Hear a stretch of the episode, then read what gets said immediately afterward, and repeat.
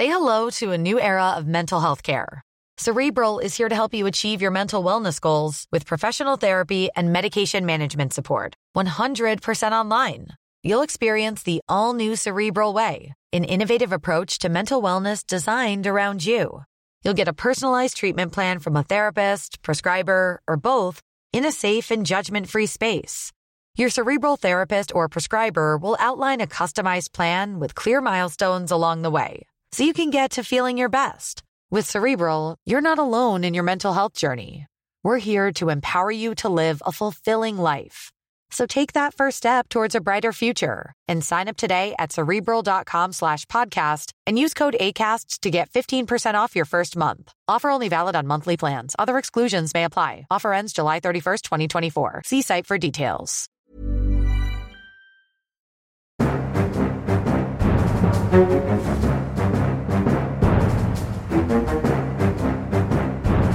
Da setter vi i gang med en ny episode Aftenpodden USA. Kristina Pletten er på plass tilbake i Oslo-klesskapet, tror jeg, hvis jeg ser rett i bakgrunnen der. Ja, det er vel eh, kanskje det minst dramatiske stedet så det går an å være nå i, i disse dager, Øystein. Og jeg er heller ikke et veldig dramatisk sted. Jeg er i Florida, i selveste Orlando. Det har vært et litt rart sted å være når det har vært uh, brutt ut full krig i Ukraina. Men jeg er her av uh, en sånn konservativ konferanse, som egentlig har vært et interessant sted også å følge med på denne konflikten. Det er denne konferansen CPAC, som jo er en slags sånn Ja, det er en veldig viktig konferanse for den ordentlig konservative høyresiden i USA. Nå kan vi kalle det Trump-fløyen. Og man blir ganske, sånn må jeg innrømme, ør av å sitte og høre på når jeg har hørt tre dager med sånne talepunkter og taler. Jeg er liksom helt sånn marinert i siste nytt fra, fra Trump-verden. Og det er ja, et fascinerende sted, må jeg si det er først når jeg kommer dit hvor jeg innser den enorme f.eks. Eh, faunaen, floraen av sånne rare podkaster som finnes der ute. Vi har vår egen eh, nisjepodkast, men det finnes altså Jeg går forbi liksom meter på meter på meter med sånne skjeggete menn ofte, eh, med Trump-capser, som sitter og lager podder for det amerikanske folk. Eh, jeg tror det sies mye rart på disse poddene i løpet av, eh, i løpet av en dag. Apropos det, så har du vel kanskje også hørt på sjefen sjøl, Donald Trump, sin tale? Ja, ja. Og det, må, det sies også veldig veldig mye rart og interessant fra, fra, scenen. Det er et bilde på hvor ytterliggående på sett og vis dette partiet har blitt. I hvert fall denne Trump-fløyen i partiet har, har blitt. Mm. Ingenting skaper så mye entusiasme som å fire Fauci på en måte. Justin Trudeau har blitt et nytt hatobjekt. Masse, Han blir stadig trukket inn, og da, da, da klikker salen fullstendig. Eh, de slipper til folk som, som måtte, kjøper hele 6. januar-løgnen, sier at uh, disse folkene som har blitt uh, fengslet siden da, de er liksom, politiske fanger, og hele den type ting. Sammenlignet av Biden med Putin, ikke sant? og at Biden er et slags land er et diktatur som fengsler politiske motstandere og sånn. Så det er bare Ja, det er mye rart, vil jeg mm. si, men også et liksom, spennende sted å få ta litt pulsen på denne delen av det republikanske partiet, som jo er på mange måter det republikanske partiet nå også. Eh, I hvert fall når det gjelder å finne neste presidentkandidat og den type ting. Da. Det er på en måte til en viss grad grasrota. Ja, og det, CPAC vokste seg vel stor under Tea Party-bevegelsens uh, høytid for sånn fem, seks, syv år siden, og så har det blitt mer og mer en sånn Trump-greie. Eh, eller eh, ja. blitt veldig preget av den delen av det republikanske partiet. Da. Men jeg har jo sett at det også har vært en del oppmerksomhet om en sånn sideshow, FPAC, som ja. eh, har vært enda mer ekstremt. Der eh, et par av disse her kongressmedlemmene som vi har diskutert før, Marjorie Taylor Green, Paul Goser, har vært ja. til stede sammen med noen veldig sånn høyreekstreme typer og fått en del pepper for ja. det. Og, og Margie Taylor Green var jo også på CPAC, så hun har på en måte en sånn overløper. Hun er på, på begge konferansene, men den andre konferansen blir jo beskrevet som høyreekstrem. Eh, det er på en måte noen knapt knepp til. Det er fortsatt ting man ikke sier på CPAC. Det er på en måte ikke en høyreekstrem konferanse, det er på en måte Trumps konferanse. Og som du sier, det har vært en sånn interessant utvikling fra et sted hvor jeg tror man tidligere kunne diskutere litt ulike konservative temaer fra litt ulike sider og sånn, men nå er på en måte mye mer en ren Trump-konferanse, da, Trump-fløy-konferanse. Og som du sa, Trump entret scenen. Jeg har skrevet en liten sak. Interessant, han har jo vært messa veldig mye om, om eh, valget i 2020. Det har nesten vært umulig å få han til å snakke om noe annet. Altså ting som foregår i nyhetsbildet, eller fremtiden. Men talen hans i helgen var mer fremtidsretta. Relativt lite til Trump å være. Om valget i 2020. Han, han fletter det inn overalt, men, men, mye mer. Det virker som de er i ferd med å lage et budskap, et sånn comeback-budskap, som var interessant uh, å høre. Han snakker jo som om han skal stille igjen, selv om han ikke sier at han skal det. Men det er nok noe som bekymrer demokratene litt. Jeg tror de har vært litt komfortable med at Trump har vært en sånn mann som bare snakker om fortiden, og noe som kanskje ikke velgerne annet enn kjernen er så opptatt av. Så hvis han klarer å, å, å begynne å se fremover og formulere et nytt budskap, så er det bra for Trump. Eh, skummelt for motstanderne, antageligvis. Mm. Og du har vel kanskje inntrykk fra der du er, da, og eh, som du sier har vært marinert i dette budskapet, at, eh, at uh, Trump selger seg selv som den sterke mannen. Han har jo snakket mye om det at hvis jeg hadde vært ja. president, så hadde ikke Putin invadert Ukraina. Og jeg ser at dette mm. har vært et sånn talking point fra den gjengen at under alle de tre presidentene, altså under Bush, Obama og nå Biden, så har eh, Putin invadert eh, naboland, men, men når Trump var president, så gjorde han ikke det. Som om det liksom var. Eh, bevis på hans styrke, da.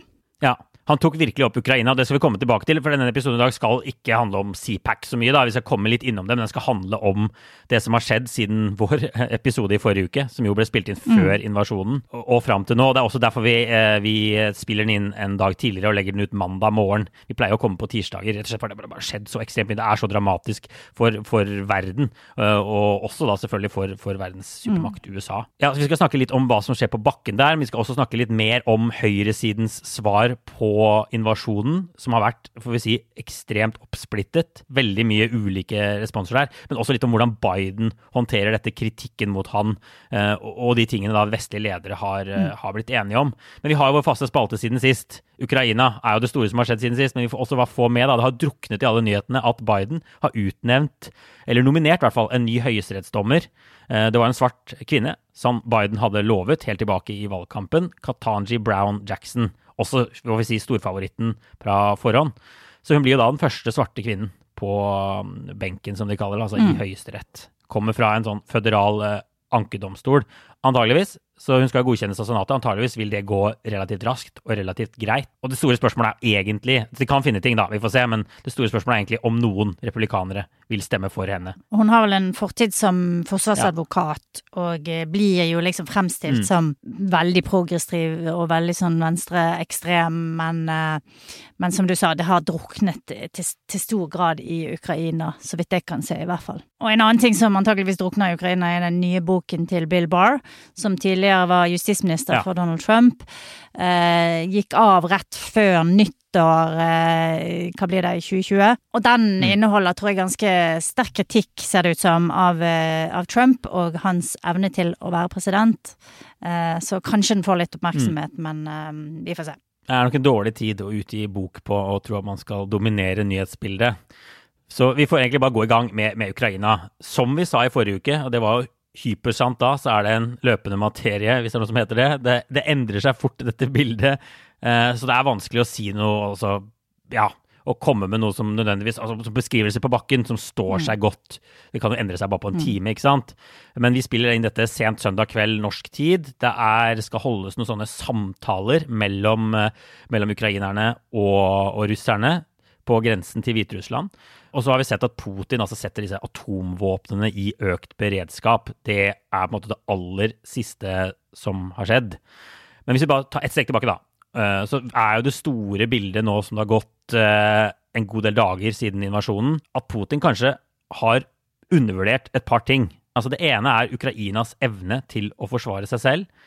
Og det andre er Vestens evne til å samle seg, eh, kaste om på gamle politiske dogmer og innføre liksom, tøffe sanksjoner, endre politikken mm. sin når Putin har gjort det han har gjort. Og la oss ta det siste først, altså Ukrainas evne til å forsvare seg. Du må jo bare si at de har fått veldig mye sympati eh, rundt omkring i verden. De har imponert eh, mange. Det florerer av videoer i sosiale medier egentlig fremstår som en sånn voldsom støtte, i hvert fall mm. i vestlige land. Ja da, og, og, det er jo, som jeg tror vi snakket om også forrige uke, det er liksom den første krigen som drives med så mye sosiale medier, og i hvert fall som er sånn så close to home, da. Eh, og du har jo sett hvordan sosiale medier bare har har eksplodert med informasjon, sympatistøtte. Eh, Kiev Independent så jeg nettopp skrev på Twitter. Er en liten sånn startup-medie som hadde 20 000 følgere for noen få dager siden. Nå har de to millioner mm. følgere på Twitter.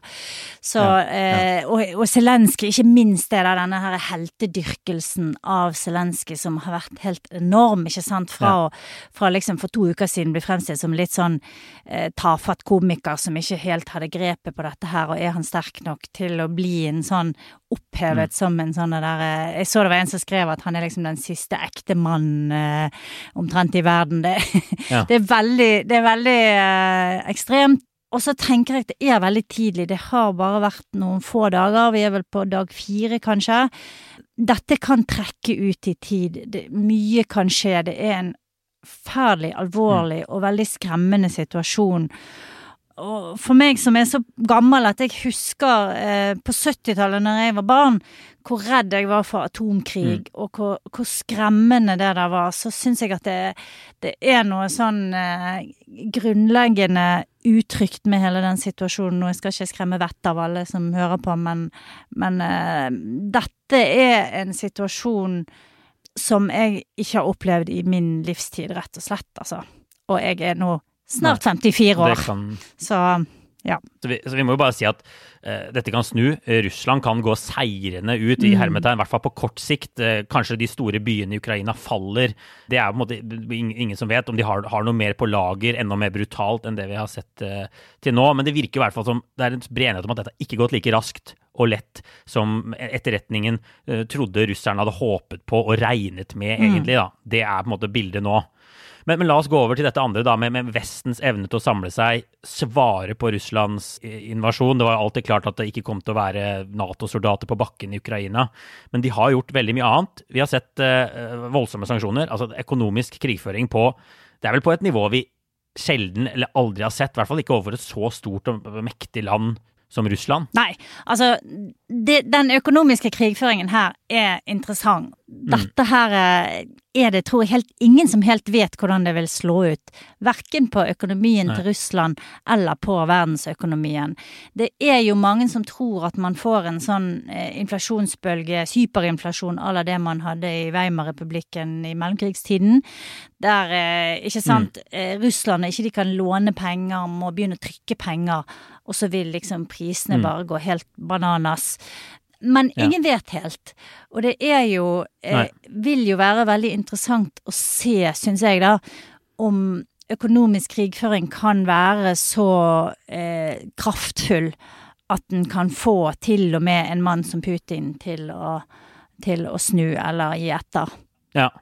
For jeg, den generelle følelsen før dette har jo vært at sanksjoner er noe man gjør, men det, har sjelden vært hypereffektivt. Mm. Og det finnes ikke så mange eksempler på at sanksjoner har fungert godt. Og det har vært sanksjoner mot Russland lenge, og Putin han tok jo Krim, og så fikk han sanksjoner, og så tar han Ukraina nå, og så blir det mer sanksjoner. Men det blir veldig, veldig interessant å se. Vi har jo allerede sett eh, rubelen eh, falle kraftig. Det er ventet at den vil fortsette bare eh, egentlig et, et svalestup mm.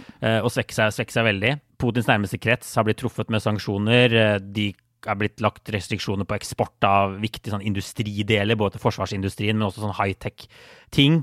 Dette Swift-systemet har det vært mye altså, globale betalingssystem mm. mellom banker. har det vært mye snakk om. Nå har de jo blitt enige, da, EU og USA, om om å, å i hvert fall hindre store russiske banker øh, å delta i det. Og det vil stoppe, gjøre det vanskelig å overføre penger mellom, mellom, land. Og så skal man fryse en del av sentralbankens reserver, da. Men det er store ting, som du sier. Ja, og jeg, og jeg tror en av forskjellene på disse sanksjonene og det man har sett mot veldig mange andre land og, og mot Russland tidligere, er at dette her er et økonomisk mm. angrep, får man vel si, på banksystemet ja. Ja. i Russland. Eh, du nevnte sentralbanken, og de største bankene er på en måte bundet nå på hender og føtter. Og det er den store forskjellen mellom det å liksom si ok, dere får ikke gjøre business med russiske selskaper, eller mm. de og de og de får ikke lov å, å, å, å, komme og handle her. Men, men, det å liksom gå direkte til angrep på banksystemet, sånn som ja. de gjør nå, det tror jeg aldri vi har sett før. Nei. Forsøket på å trigge en finanskrise, trigge børskrakk, mm. disse tingene her. Det skal bli veldig interessant å se uh, egentlig den kommende uka nå, uh, i hvert fall de kortsiktige konsekvensene av det her, og, og hva det vil ha å si. Og jeg tror at, at, målet med det, selv om ingen kanskje sier det rett ut, men målet med det er nok å forsøke å presse folkene rundt Putin til rett og slett å, å ta affære med han. Og enten legge veldig press på han, eller rett og slett fjerne han. Ja. Jeg så eh, Robert Gates på CNN i dag, eh, tidligere forsvarsminister eh, under Obama, og har jobbet også for republikanske presidenter, som sier at altså, han har regnet med at Putin var en rasjonell aktør tidligere. Da Putin gikk inn i Georgia f.eks., eller da han tok Krim, så var det mindre operasjoner med på en måte tydelig sånn avgrensning. Men han sier at han lenger kan ikke si at Putin er rasjonell. Han mener dette er noe helt annet enn man har sett fra Putin før. Og vi ser jo de der debatten der også dukke opp nå. Om man egentlig skjønner hva man har å deale med her. Eh, om han mm. kanskje da må rett og slett avsettes, det er også sånne spekulasjoner, for at man skal eh, få gjort slutt på det her. Altså av den nærmeste ja. kretsen. Jeg hørte på Meet the Press eh, i dag, eh, amerikansk sånn talkshow, eh, seriøst bra talkshow som er hver søndag, og der var det to senatorer som sa det samme. Eh, han ene sitter i det som kalles etterretningskomiteen og har da tilgang til veldig mye eh, hemmeligstempet, gradert informasjon. Og han sa det at eh, Putin er ikke den samme som han var for fem år mm. siden. At det, ja. han, han, kunne ikke si rett ut liksom at han, at han at var forstyrret da, eller ja, ja. at det rablet for han, men, men eh, Og så sa de også det at Putin i, i, mye større grad nå enn før er isolert. Han er, han er, lite i Kreml, han er lite sammen med sine nærmeste rådgivere og dette sikkerhetsrådet som, som styrer mye av Russlands utenrikspolitikk. Han, han har holdt seg for seg sjøl gjennom hele covid-perioden og mm. vært mye disse, på disse her eh, eh, Hva skal vi kalle det, festningene sine eller feriestedene eller eh, mm ja, han har jo noen sånne store slott. Hyttene, ja, ja. Som han har rundt omkring i Russland, da. Så poenget deres var at han, han er i, i, i, stadig større grad en isolert mann, og kanskje en mann som, eh, som begynner å, å bli litt ustabil. Og vi har jo sett, Det han kanskje undervurderte i Europa, er jo at eh, typisk mye mer Russland-vennlige land eh, Det er en liste der. altså Italia er på den lista. Tyskland til en viss grad er på den lista. Har vært villig til å gå veldig langt, har vært villig til å være med på disse sanksjonene. Det, var, det tok litt tid å få dem med på denne Swift-utkastelsen, men de gikk med på det til slutt. Mm. Og særlig Tyskland er jo hyperinteressant. Det som har skjedd uh, der, er jo et forsvarspolitisk mm. jordskjelv i løpet av de siste dagene. Tyskland har ja. sagt at nå sender de våpen til land i krig. Det har de hatt liksom et nærmest totalforbud mot tidligere pga. historien sin. Vært veldig veldig sånn, eh, forsiktige med militær opptrapping, opptrapping og sånn. Men nå varsler de altså en voldsom økning av forsvarsbudsjettene i tillegg. Fornying av det tyske, tyske forsvaret. Helt nye, nye, toner. De skal nå dette 2 %-målet til Nato, eh, som jo Tyskland har vært langt unna lenge. Og jo, mm. Tyskland er et kjempeland. Det monner når Tyskland sier at de skal trappe opp, så er det bare enorme beløp. Tysklands økonomi er to og en halv gang så stor som, som Russlands økonomi. Bare tenk på det. Altså, det er enorme beløp. Så når de sier 2% så blir det veldig mye penger og, og militære ut av det. Da får de vel Da jeg regna på dette for noen år siden, var det et forsvarsbudsjett på størrelse med, med Russland. Nå skal man debattere hvordan man kan sammenligne de tingene, men det er i hvert fall eh, ja, et skikkelig paradigmeskifte. Veldig interessant å se. Mm. Ja, og eh, kansler Olav Scholz sa jo også at dette starter nå. Det er ja. ikke sånn at dette skal skje om et år eller to, dette starter Nei. nå. Nei. Så eh, det er jo åpenbart at eh, denne situasjonen har virkelig rystet Nato til mm. eh, inn i ja. grunnvollene, ja. Og, og, at det, eh, det har styrket eh, både Natos samarbeidsevne og eh, beslutningsevne der, men også tror jeg denne der eh, følelsen i, i, de forskjellige folkene. Altså oppslutningen om Nato i de forskjellige folkegruppene eller eh, befolkningene i Nato-medlemslandene, da. Mm. Eh, så jeg tror, og jeg har sett det her i Norge på Debatten, at eh, folk er veldig opptatt av det nå at eh, de som har kritisert Nato-medlemskap tidligere og prøvd å skyve skyve skylden over på Nato, de mm. får nå veldig hard medfart, altså. Ja. Ja. Det er sant. Og det bringer oss egentlig videre til neste tema. Dette er jo en USA-pod, mm. så vi får snakke litt om det som skjer uh, her. Det vi har sett de siste ukene, egentlig, og det vi har sett etter, etter, Silva, etter, etter selve invasjonen. Vi kan jo starte med på en måte, mediedekningen. Jeg satt og så på invasjonen live på CNN. Den fant vel sted, altså denne famøse talen til Putin var vel ti på kvelden her i USA. Og så tok det ikke lang tid før de første rakettene og sånn kom. Og CNN var bare svært svært imponerende. Altså, vi så de første rakettene lande i bakgrunnen omtrent, der, eh, der korrespondenten sto og snakka i Kiev. Så de var veldig langt framme, lenge før nettavisene på en måte klarte å kaste seg rundt og få meldt nyheter. Og, du sendte over uh, en artikkel. altså Det er noe sånt som 75 folk fra CNN på plass i Ukraina. De lager En ting er jo at de har korrespondenter i felten i mange land, men de har altså hele sendinger som ser ut som de produseres med et slags sånn studio fra vest i Ukraina, da, litt nærmere Polen. Mm. Så, så det, her har på en måte CNN har jo hatt litt uh, motvind de siste årene, men virker som de har slått litt tilbake og vist hva de kan på sitt beste. Ja, og det syns jeg er kjempefint som journalist, da, så blir jeg ja. veldig glad over det. Og dette er jo egentlig det CNN var i utgangspunktet. Det var jo en sånn breaking news-organisasjon som var utrolig god på å være til stede. Begynte vel for alvor å, å svinge seg opp under den første eh, Irak-krigen mellom Irak og Kuwait. Mm. Eh, så det at CNN nå liksom finner litt tilbake til røttene sine, da, istedenfor å prøve å være en sånn variant av Fox News, det tenker jeg er bare Ja, det varmer i hvert fall mitt eh, journalisthjerte, da. Ja. At, de, at, de, satser sånn som de gjør. Og så har de jo CNN International, som på en måte er en egen organisasjon. De mm. har jo eh, en stor gruppe veldig, veldig eh, gode og erfarne journalister som kan dette her bedre mm. enn de fleste. Og vi må bare også legge til at Aftenposten har tre personer på plass der. Et team i Kiev som selvfølgelig også gjør en viktig jobb, i likhet med journalister fra, fra hele Europa og, og, og, hele verden. Og CNN har også et stort sikkerhetsapparat rundt uh, sine journalister. Og man, man forsøker måte å gjøre så, godt man kan for å ikke utsette seg for fare. Men det er selvfølgelig, det er, man er i en krigssone. Uh, Kiev bombes hver kveld. Uh, men det er også en utrolig viktig jobb som gjøres derfra.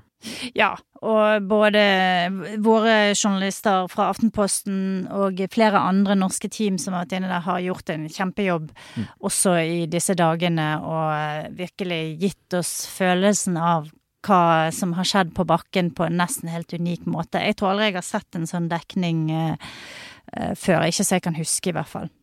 Jeg må bare si at når jeg så uh, invasjonen live på CNN, så switchet jeg også over til Fox News uh, den kvelden. Og det var bare en, en, enorm kontrast. Og det kan godt hende at Fox News kom litt skeivt ut den kvelden. De var jo i gang med disse vanlige meningsbærende programmene sine med Sean Hannity, Tucker Carlson, Laura Ingram. Men jeg switchet altså over på Ingram, og da hadde de første rakettene truffet. Invasjonen var i gang. Og da presterte hun altså å sitte og si at, at hun nettopp hadde sett tidligere på dagen det hun kalte en patetisk forestilling fra, fra Ukrainas Ukrainas president. Det var denne følelsesladde talen han holdt før invasjonen av sitt eget land, som hun altså stemplet som patetisk. Og jeg fikk, jeg fikk liksom helt sånn, sånn sjokk av, av, å se det, den, den, enorme kontrasten. At hun fikk seg til å si det. Jeg, det, jeg kan ikke skjønne det. Å bruke sånne ord. Nei, altså både Tucker Carlson, Sean Hannity og Lauren Graham har jo til dels kjørt denne Trump-linjen med litt sånn eh, smisking og, eh, og, og godord om Putin og fremstilt han som liksom en sterk og smart fyr og, og, og holdt veldig lenge på den retorikken, altså helt liksom opp til og, etter at uh, russerne invaderte. Var jo helt sånn hårreisende å høre på. Mm. Og um, Tucker Carlson hadde jo ute, jeg tror samme kveld som de invaderte, så lå det på, på forsiden av Fox News en sånn uh, kommentar som han hadde skrevet, som egentlig var monologen hans da, mm. der han skrev sånn der hvorfor er du uh, hvorfor er du redd for, eller hvorfor hater du Putin, og det er ikke han som liksom har uh, truer demokratiet og ja. USA ja. og ditt liv, ikke sant, og veldig sånn eh, Det var en veldig merkelig retorikk, og eh, så gikk det noen timer, og så var den plutselig vekke fra fra forsiden og, og, flyttet langt ned i en sånn ja. salat eh, som, som, man ikke kunne finne den, da. Men jeg, jeg, har ikke sett på det siden. Jeg vet ikke om han har moderert seg, eller hvordan de liksom klarer å ro seg inn igjen fra dette her. Det, det var veldig rare greier, altså. Ja, de har rodd seg litt inn, inn, men sist jeg sjekket, så ligger det f.eks. ute fra invasjonskvelden. Det er nok noen timer før selve invasjonen skjedde, men da skrev han på Twitter Ukraina er ikke et demokrati, det er en klientstat for det amerikanske utenriksdepartementet. Ja. Dette ligger jo fortsatt ute på mm. Twitter, mm. sist jeg sjekket. Og det var dagen før invasjonen hadde denne monologen om at det var demokratene i Washington som sa at det var din patriotiske plikt å hate Putin. Og denne, dette hatet mot Putin vil bringe USA inn i en konflikt i Øst-Europa, sa, sa Carlsen. Um, og så mm. mener jo noen at de er på en måte i lomma på Putin eller får penger fra Putin. Jeg, det, antageligvis handler jo dette mye om bare å provosere og skape på en måte eh, god TV, da, sånn som de ser det. Og ta kontrære standpunkter til Biden og den type ting. Det virker som, som det rådende prinsippet her. Skulle man ikke tro det? Eller hva, hvor kommer dette fra, tror du? Ja, eh, jeg tror nok det. Og så er det jo eh, hele tiden å sette opp en kontrast. Og det de mm. eh, klarte å forholde seg til, de, i hvert fall de første dagene, var jo det at eh, Bidens svakhet var ja. grunnen til at dette i det hele tatt skjedde. Så det, mm. de prøvde på en måte å lempe hele skylden over på Biden og, ja. og fortsette det narrativet med at han er svak og ikke har kontroll. Ja. Og så så jeg også en del sånn retorikk som var sånn Men se på Canada, og se på dette her eh, lastebilopprøret i Canada. Der, det er mye verre, og det er der liksom de største overgrepene mm. mot uh, demokrati og frihet skjer, da. Som også var en sånn Vi snakker om Putins feilberegning, men det er jo også en ganske stor feilberegning, tror jeg, fra den delen av det republikanske partiet å tro at du kan komme unna med den type retorikk i denne situasjonen her. Det, mm. Da har du liksom ikke helt uh, stukket fingeren i jorden. Say hello to a new era of mental health care. Cerebral is here to help you achieve your mental wellness goals with professional therapy and medication management support. 100% online. You'll experience the all new Cerebral Way, an innovative approach to mental wellness designed around you. You'll get a personalized treatment plan from a therapist, prescriber, or both in a safe and judgment free space. Your cerebral therapist or prescriber will outline a customized plan with clear milestones along the way so you can get to feeling your best. With Cerebral, you're not alone in your mental health journey. We're here to empower you to live a fulfilling life.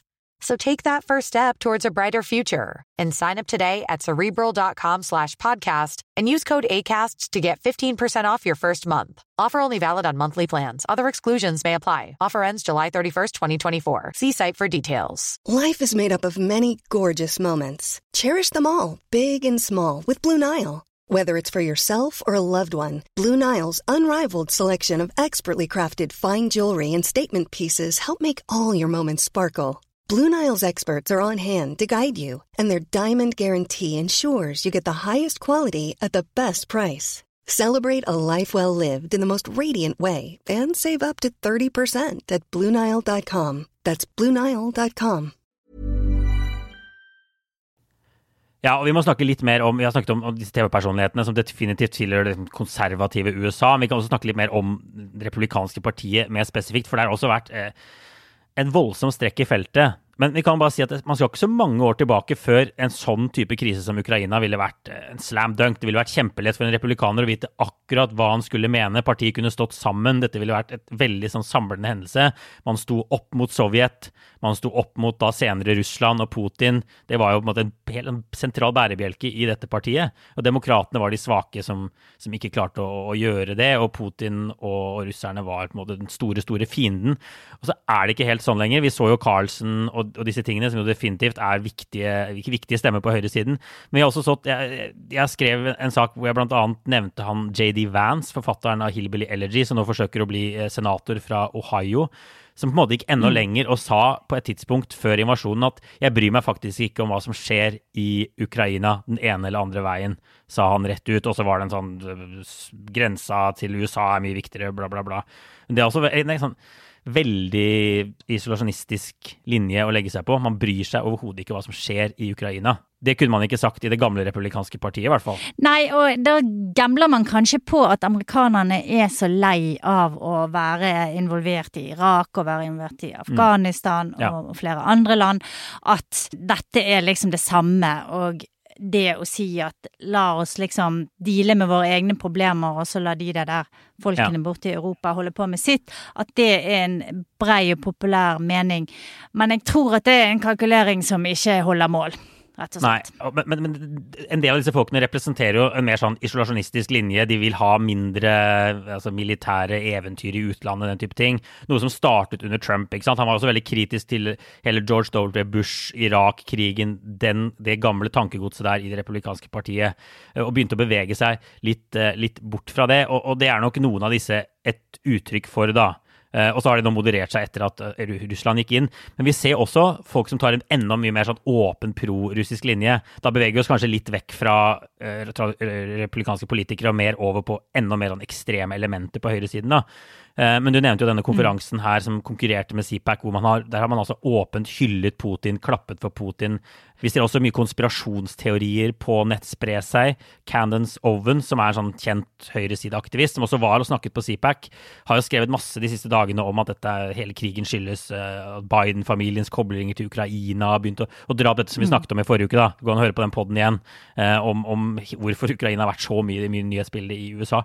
Så vi ser jo, Det er jo på en måte den enda mer sånn ytterliggående eh, måten å takle dette på, hvor de står fast ved at Putin på en måte er en helt selv etter at invasjonen har skjedd. Men har du inntrykk av at der er reell frykt i USA nå for, eh, for, russerne, for Putin, på et annet plan enn det var før dette skjedde? Ja, jeg tror, jeg tror definitivt at invasjonen endrer ting.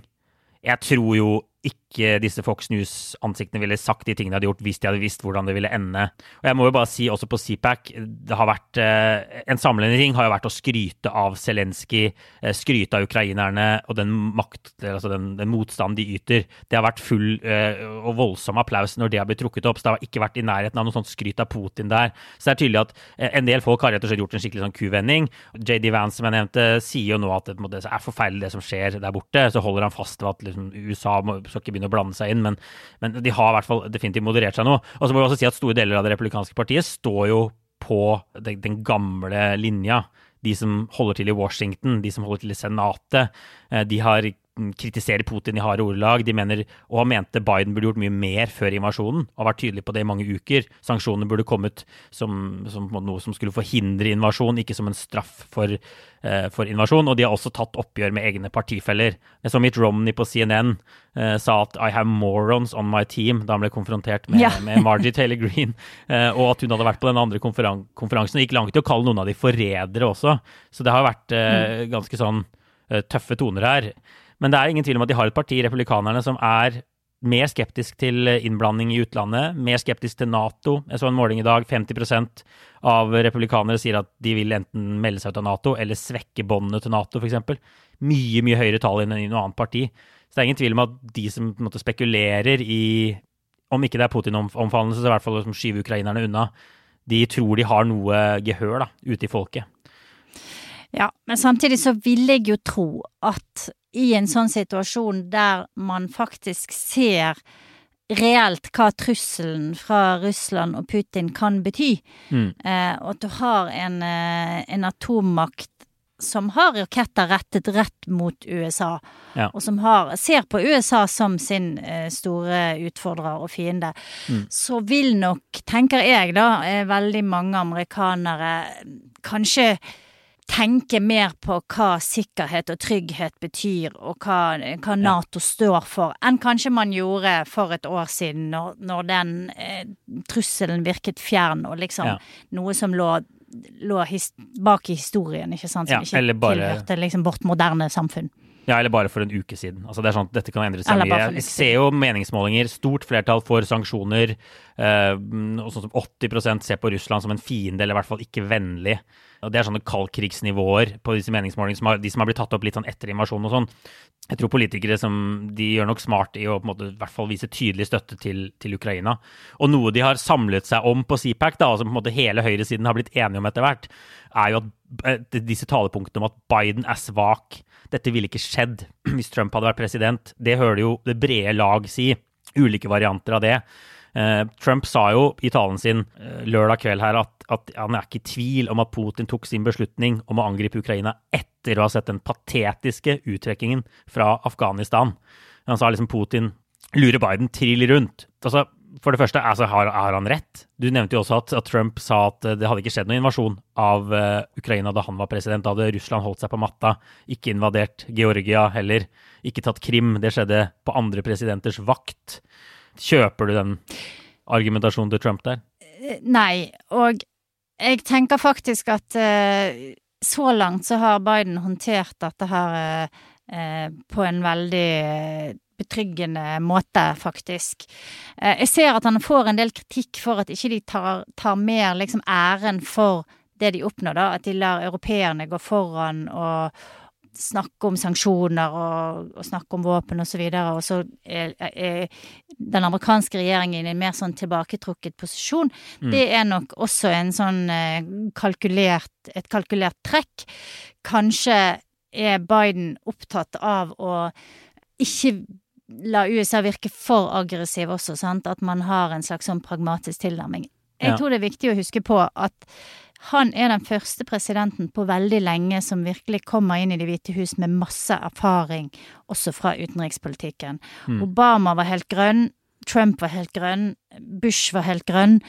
Så siden Putin kom til makten, så er han egentlig den første presidenten som virkelig har eh, dyp og brei erfaring med sånne temaer. Har jo jobbet med mm. Ukraina, som vi snakket om sist uke. Så så langt så har jeg tiltro til at Biden og Blinken og det teamet rundt han styrer dette her så godt de kan.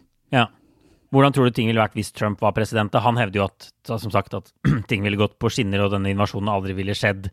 Um, tror du det ville, vært, eh, det ville vært vanskeligere å samle de allierte i Europa og USA om, om, om uh, sanksjoner og sånn? Tror du um, jeg, jeg, tenker at sånn som Trump oppførte seg overfor eh, Nato, mm. og på disse Nato-møtene, og nesten hver gang de kom sammen, så var det jo så mye bråk, og du var jo på noen av de og, mm. og så det på nært hold.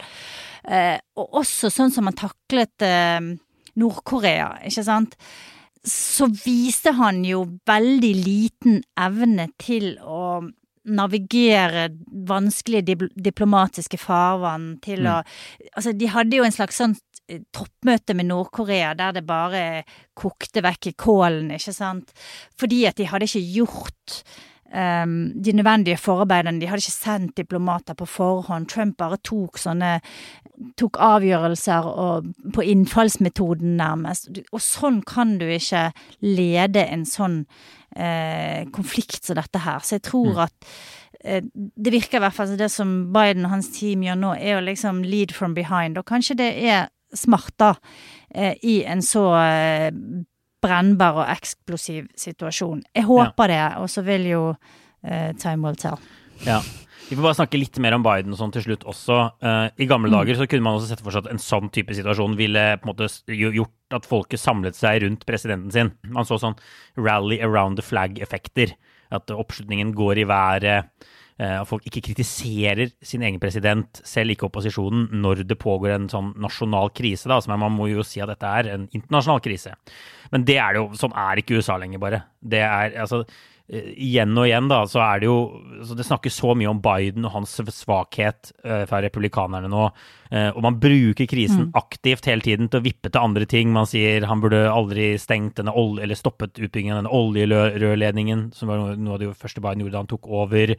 Noen drar sånne søk, litt søkte koblinger til transpersoner, at Forsvaret har blitt så woke, og Putin ser det, og han ser svakhet, og det er kriminalitet i gatene i USA, og det, dette lukter Putin, og derfor så tar han Ukraina. Men det er i hvert fall ingen tegn til noen sånn samling. og Jeg tror jeg vi ikke skal forvente å se på noen målinger rundt Biden av den typen der. Man går på en måte rett i angrepsposisjon og ser hvordan kan dette brukes nasjonalt til å fremme min sak. Mm. Som jo er bare sånn USA er. Ja, men jeg tenker det kan endre seg, da. Mm. Eh, avhengig av hvordan det utspiller seg nå de neste ukene og månedene, så kan det vel være at eh, den der voldsomme kulturkrigretorikken kan vise seg å, å, å, slå litt tilbake på de hvis USA nå klarer å, og Europa og Nato virkelig klarer å, å, stå imot dette her og finne en slags løsning, da. Mm. Eh, men du ser jo også her i Norge at det er mange som er mye mer opptatt av å være på Twitter og Facebook og, og fortelle andre at de har vært dumme. Mm. Og, og, du sa sånn og sånn om Putin og Russland og Nato, og du er dum og du er dum. Ja. Folk må jo få lov å gjøre det hvis de føler at det er det viktigste i verden akkurat nå. Mm. Men for meg er det en, en oppførsel og en, en, en retorikk som ikke tjener til å bringe så veldig mye mer eh, lys over verken hva som skjer, eller ja, gjøre mm. en konstruktiv dialog, da. Ja, og du mener at Biden-administrasjonen har truffet bra med måten de har kommunisert her på.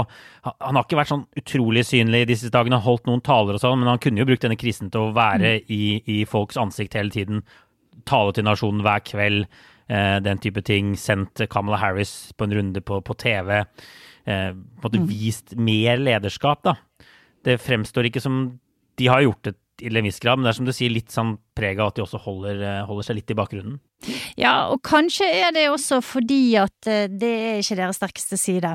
Mm. Det kan være det, og så kan det jo også være at de rett og slett har veldig mye å gjøre. Altså at ja. det er en, en, situasjon som er så prekær og, eh, og, og farlig ja. at uh, de ikke kan bruke mesteparten av tiden sin på å stå og snakke med journalister. da. Ja.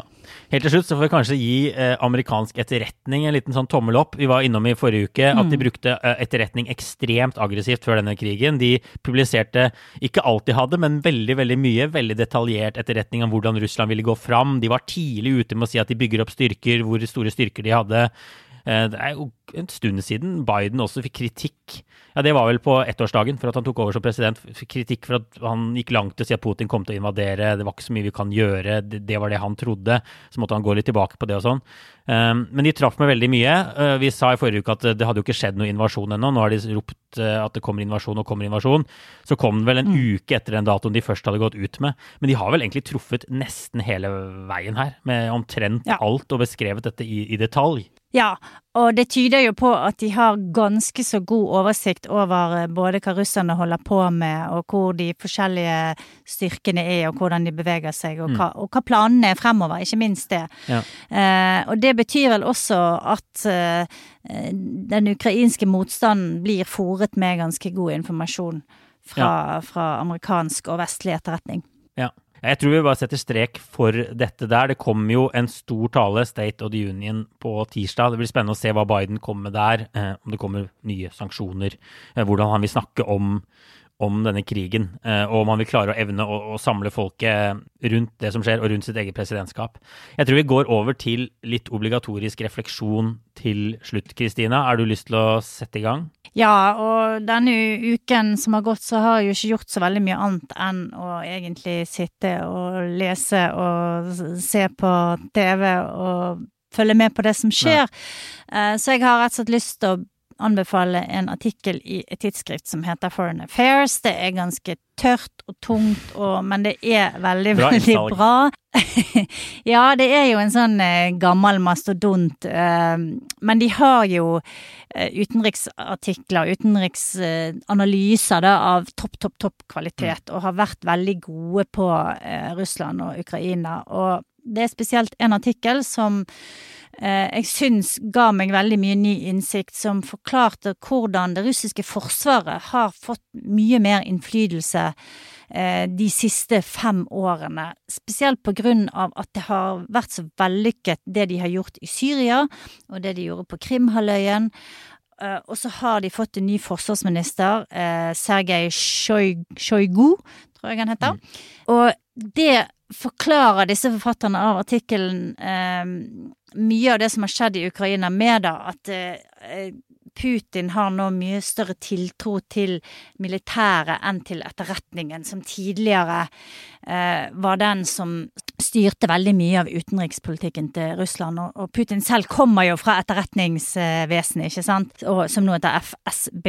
Men, eh, men, det er altså Teorien deres da var at eh, det er Militæret har hatt en voldsom oppsving og også fått mye politisk makt i Kreml. Ja. Så jeg kan legge ut en lenke til den uh, artikkelen. Jeg er litt usikker på om han ligger åpent, men uansett, uh, hvis man er interessert i den type stoff, så, så er det virkelig verdt uh, å kanskje tegne et abonnement, eller finne eller kjøpe bladet. Går jo òg an. på papir. Ja, veldig bra. Vi legger ut en lenke til den som vanlig. Min OR har ikke noe med Ukraina å gjøre. Eh, jeg har lest store deler av en sak, jeg har ikke kommet helt i mål ennå, om rett og slett kona til høyesterettsdommer Clarence Thomas. Som er veldig interessant. Det var en sak i New York Times Magazine. Den er lang, men man kan også lytte til saken hvis man har halvannen time, som det tar. Men, men det er, ellers så kan man høre på det jeg har å si nå. For altså, Clarence Thomas er eh, en svart høyesterettsdommer. Så nå blir det altså to svarte høyesterettsdommere når eh, Katanji Brown Jackson kommer inn. Og han er kjent som en av de mest konservative dommerne i Høyesterett. Han er den mest konservative på en del sånne målinger. Men det som er interessant, er at kona hans, Ginny Thomas, er en politisk aktivist. Og hun har altså spilt en nøkkelrolle i en sånn politisk bevegelse som bl.a. kjempet for at Trump skulle klamre seg til makten etter valget i 2020. Ja, og rett og slett bare uh, uh, tuske til seg valgseieren, da, selv om det jo egentlig var, var Biden som vant. Og, og, New York Times har en veldig sånn detaljert beskrivelse av forholdet mellom Clarence og kona. Uh, hvordan de fungerer som sånn maktpar og opererer en del sammen. Hun har bl.a. underskrevet et sånt brev som kritiserer etterforskningen av 6.1. Så hun fremstår jo som en ganske sånn trumpete aktivist, egentlig, som har kjøpt en del av disse ideene mm. som nå gjør seg gjeldende i, i denne Trump-fløyen til, til partiet. Og hele denne uh, artikkelen setter jo egentlig spørsmålstegn ved, ved, når en dommer er inhabil, når en dommer blir for politisk. De liker jo å tenke, disse dommerne, at de ikke er politikere i kapper. Det er jo det noen av de sier, at de, de har en, måte, en armlengdes avstand til politikken. Men den armlengdes avstanden har jo blitt kortere og kortere. Den er jo nesten ikke der lenger. Så politisert som disse utnevnelsene er blitt. Men noen mener altså at disse opplysningene som kommer frem, gjør at, uh, at han bør trekke seg som dommer, eller i hvert fall ikke behandle saker, da, f.eks. som har med valget i 2020 å gjøre, der kona tydeligvis spiller på en måte en helt sentral rolle da, i kulissene. Så det var bare en interessant sak om et veldig sånn, interessant par også, med en spennende historie. Eh, så jeg anbefaler å lese når folk har tid. Jeg skal legge ut en, en lenke til den. Eh, og særlig da, de som er interessert ja. i Høyesterett, bør, bør lese den, og amerikansk høyesterett. Ja, jeg har også lest den og syns den var kjempespennende. Og litt sånn som den artikkelen som jeg eh, anbefaler, så gir det litt sånn noe En hel sånn eh, dimensjon av kunnskap som jeg ikke kunne fra før. Ja. Så det var en god OR. Ja. Takk, takk. Da tror jeg vi setter strek der. Og så regner jeg med at vi ses igjen om en uke, med mindre det skjer noe så stort, så, så vi må ha en ekstra pod. Inntil da så får alle ha det bra. Ha det, ha det.